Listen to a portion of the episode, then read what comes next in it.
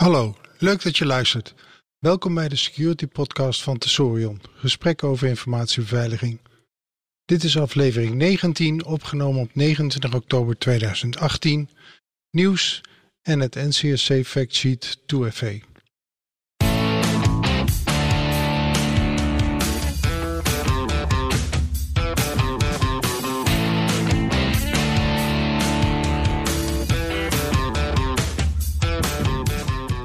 In deze aflevering nasleep van de grote hack en het thema NCSC Factsheet gebruik twee-factor authenticatie.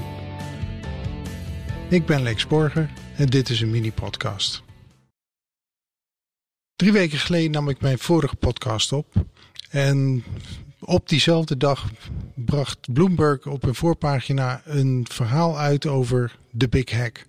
Een spionageverhaal over de geheime implantatie van chips in computers die in China gemaakt worden en naar belangrijke Amerikaanse klanten gescheept worden. Met name genoemd zijn Supermicro als de, het merk van de computers en Apple en Amazon als Amerikaanse klanten. En de afgelopen drie weken hebben deze drie bedrijven met klem ontkend dat dit verhaal uh, enigszins een uh, kern van waarheid is. Maar Bloomberg blijft achter zijn verhaal staan.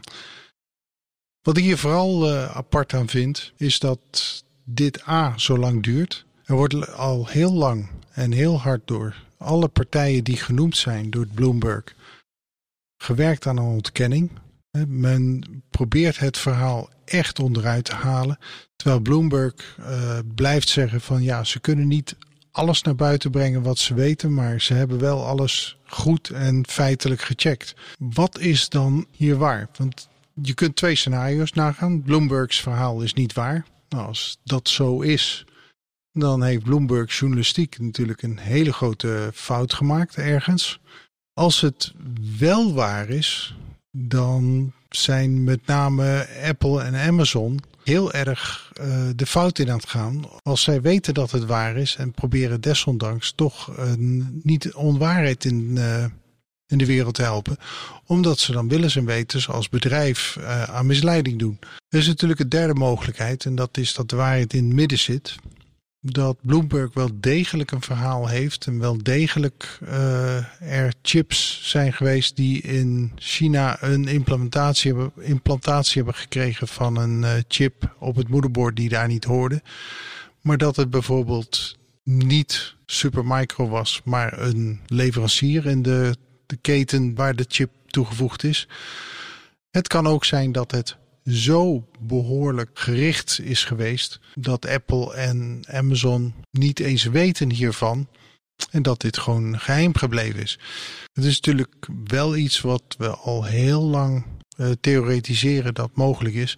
Als jij ervan uitgaat dat de meeste computers in China gemaakt worden, dan heeft China natuurlijk ook een gigantische gelegenheid om in deze apparatuur op hardwarewijze ja, spionagemateriaal in te bouwen. Hier hebben we wel verschillende malen rekening mee gehouden. En uh, men dacht dit met name uh, te kunnen beheersen door op te leggen welke ontwerpen gebruikt werden, door te controleren. Maar als je nou het Bloomberg-verhaal leest en je ziet hoe klein de extra chip kan zijn die men uh, erop plakt. En in feite een soort hardware man in de middel vormt. Die in de meeste gevallen stil is, maar heel effectief is om bij bijvoorbeeld het opstarten een implantatie te doen van een ja, heel hardnekkige persistent virusbesmetting. Heel moeilijk te, te detecteren en uh, ja, je moet maar net even de chip zien te vinden. Als je de foto's ziet van uh, Bloomberg, dan is dat echt gewoon de, de chips zijn super klein. Dat uh, kun je vergelijken met microdots uh, uit de tijd dat we nog met microfiches werken. Ik denk dat er veel te weinig informatie in de publieke ruimte is om hier de uiteindelijke echte oordelen te kunnen geven. We kunnen alleen maar raden. En ja, als we al zien hoeveel uh, oneenigheid er is tussen de bedrijven, dan is dat raden heel moeilijk. Maar wat we in ieder geval hiervan wel kunnen concluderen, is dat dit soort zaken, zelfs al zou het deze keer niet gebeurd zijn, het is wel degelijk een mogelijkheid. En als jij risicoanalyses doet waarbij een besmetting door een nation state in je vizier ligt, dan is dit een van de scenario's waar je rekening mee moet houden. En dan is het op 22 oktober publiceerde het NCSC een nieuw factsheet. En dat past heerlijk in het thema waarbij ik eerder in het jaar al zei van ik wil graag van de wachtwoorden af. dit gaat over het gebruik van twee-factor authenticatie. En met de subtitel wachtwoorden alleen zijn niet altijd voldoende. Het is een eh, heel toegankelijk uh, factsheet. Ze zeggen ook de doelgroep is vooral uh, thuisgebruikers. Maar er zitten natuurlijk altijd ook nog adviezen in die breder bruikbaar zijn. Er wordt in het factsheet om te beginnen heel mooi uitgelegd wat de zwaktes zijn van een wachtwoord. En ook vooral hoe moeilijk het is om voor een gebruiker zelf wachtwoorden te kiezen. Dus daar wordt dan gezegd van wachtwoorden beter te onthouden. Kiezen gebruikers dikwijls voor wachtwoorden met de volgende kenmerken. Wachtwoorden hebben een korte lengte. Wachtwoorden zijn vaak bestaande woorden met kleine variaties. Er wordt weinig gebruik gemaakt van een reeks willekeurige tekens als wachtwoord. Voor meerdere accounts wordt vaak hetzelfde wachtwoord gekozen of een kleine aanpassing daarvan. En wachtwoorden worden opgeschreven op een stuk papier of onversleuteld opgeslagen op de computer of mobiele telefoon op het moment dat wachtwoorden op deze manier gebruikt worden, is natuurlijk de kans dat die wachtwoorden buitengemaakt worden volgens verschillende scenario's is uh, vrij groot. En als een wachtwoord dan ook nog eens gebruikt wordt voor meerdere accounts, dan is natuurlijk helemaal het attack service uh, bijzonder groot geworden. En het NCSC adviseert om uh, gebruik te maken van twee-factor authenticatie, als dat aangeboden wordt adviseert om gebruik te maken van een uh, wachtwoordmanager. Dat heb ik ook verschillende malen geroepen. En dat is denk ik voor de meeste mensen toch de meest effectieve stap die ze kunnen nemen. Als je die nog niet gebruikt, gebruik er een. Dan maken ze nog uh, verschil tussen een online en een offline wachtwoordmanager. En terecht zeggen ze van ja, dat moet je zelf bepalen op basis van jouw gebruik en gebruikersgemak. Er zitten aan beide uh, voor- en nadelen. Vervolgens geven ze nog wat adviezen voor als, wat te doen als je geen wachtwoordmanager gebruikt. Die sla ik gewoon even over, want ik denk dat dat is gewoon een uh, domme keuze. En het NCC adviseert uh, als laatste om vooral sterke wachtwoorden te gebruiken en te voorkomen dat je hetzelfde wachtwoord gebruikt voor verschillende accounts. Uiteindelijk leggen ze ook uh, vrij goed uit wat twee-factor authenticatie is. Al zitten er wat uh, zwakheden aan omdat ze twee-factor en twee-stapsauthenticatie uh, over één kam scheren. Dit zijn wel degelijk twee verschillende dingen. En het voorbeeld wat ze geven bij twee-factor authenticatie is een combinatie van een wachtwoord en een eenmalig te gebruiken authenticatiecode per sms. En juist die authenticatiecode per sms is iets waar we in principe ook al vanaf willen, omdat sms als authenticatiefactor te makkelijk uh, te onderscheppen is en te beïnvloeden is. Het NCSC eh, adviseert om sterke wachtwoorden te gebruiken en definieert een sterk wachtwoord als het niet voorkomt in het woordenboek, het lang is, waarbij het lang zijn niet echt specifiek wordt gedefinieerd, het complex is, dit houdt in dat het wachtwoord bestaat uit kleinletters, hoofdletters, spaties, cijfers en leestekens. Ja, dat is natuurlijk wel de mooiste combinatie. Als je dat laatste doet, dan heb je vooral ook gelijk voorkomen dat het in het woordenboek voorkomt. En ja, lang is natuurlijk iets. Ik denk vandaag de dag dat het absolute minimum wat je zou moeten willen gebruiken is 12 karakters. Met 16 of 20 zit je al een stuk beter.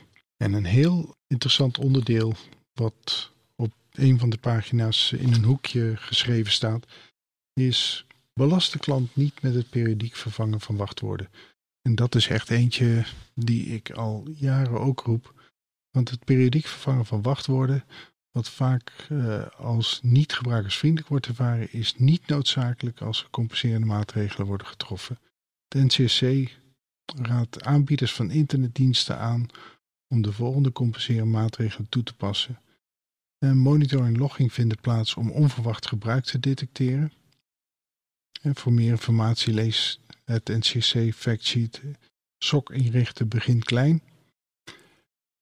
En als gebruikers worden gewaarschuwd wanneer een succesvolle of mislukte poging tot inlog heeft plaatsgevonden.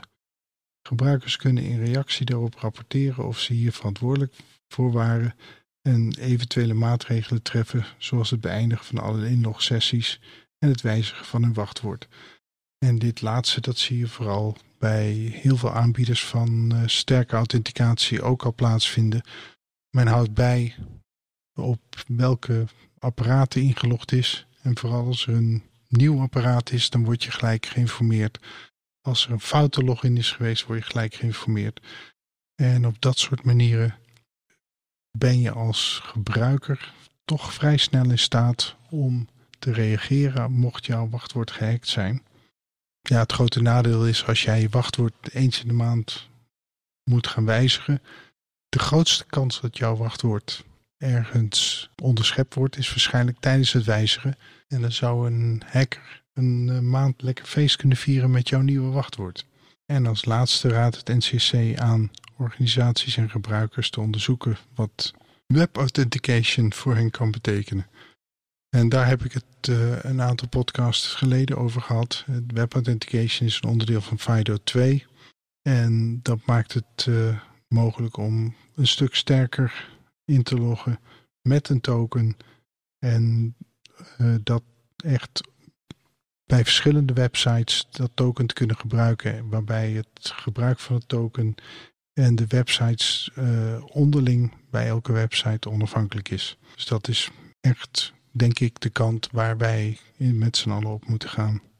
Al met al ben ik heel blij dat NCC dit uh, factsheet gepubliceerd heeft. En ik ga dit echt ook behoorlijk goed uitdragen. En er zit hiermee deze aflevering erop. Ik wil jou, graag jou, de luisteraar, bedanken dat je deze podcast beluisterd hebt. Mocht je willen reageren naar aanleiding van deze aflevering, stuur me dan een bericht. Dat kan via Twitter. Mijn Twitter-handle is @lexborger. Ik ben consultant bij i2i, een Tesorion onderneming. Onze website is www.i2i.nl. Dat is i-to-i.